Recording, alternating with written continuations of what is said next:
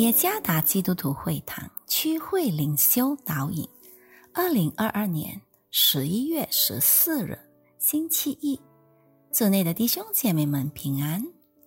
今天的灵修导引，我们将会借着圣经历代至上第六章三十一到三十八节来思想今天的主题：向上帝歌唱。作者李永峰牧师。历代至上第六章三十一节，月桂安设之后，大卫派人在耶和华殿中管理歌唱的事。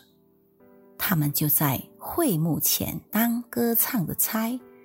及至所罗门在耶路撒冷建造了耶和华的殿，他们便按着班次供职。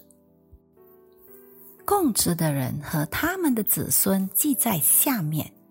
歌侠的子孙中有歌唱的西曼，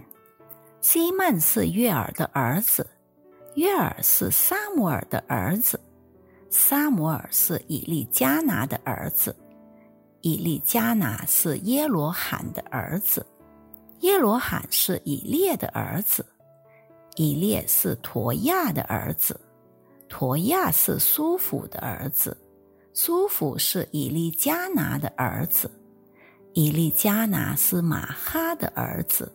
马哈是亚马赛的儿子，亚马赛是以利加拿的儿子，以利加拿是约尔的儿子，约尔是亚萨利亚的儿子，亚萨利亚是西番雅的儿子。西番雅是他哈的儿子，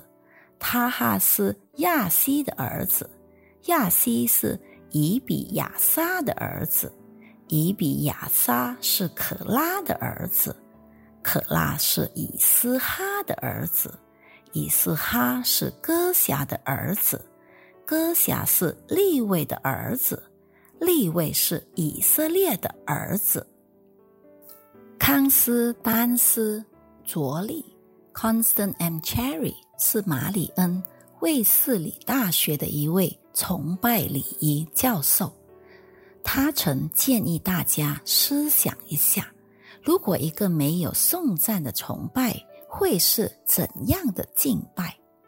接着他又问道：一个完全没有颂赞的崇拜，是否合乎圣经的教导？我们难以想象。如果敬拜里没有颂赞，那是很奇怪的事，因为无论是旧月、新月还是现在，颂赞与赞美都是敬拜中不可缺少的。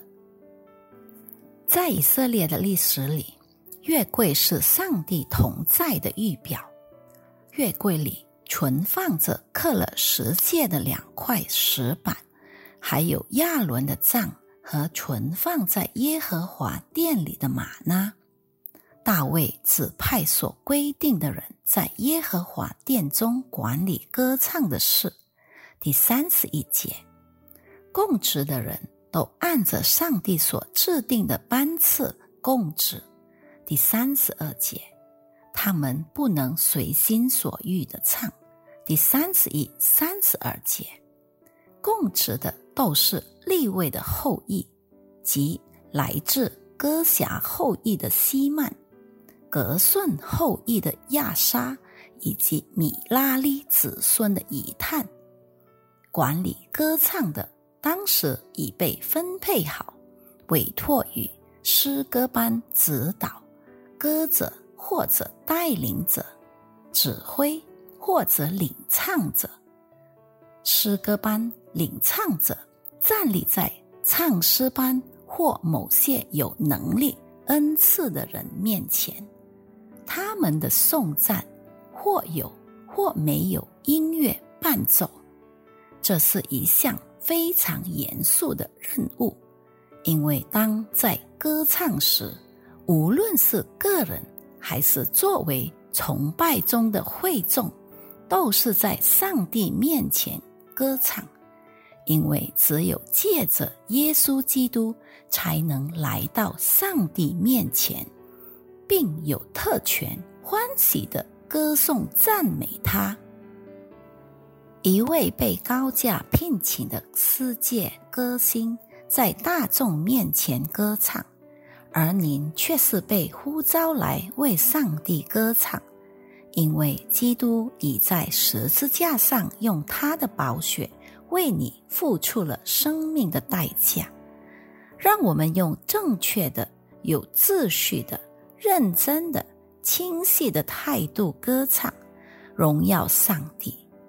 然而，现今时代人们却误用了教会音乐，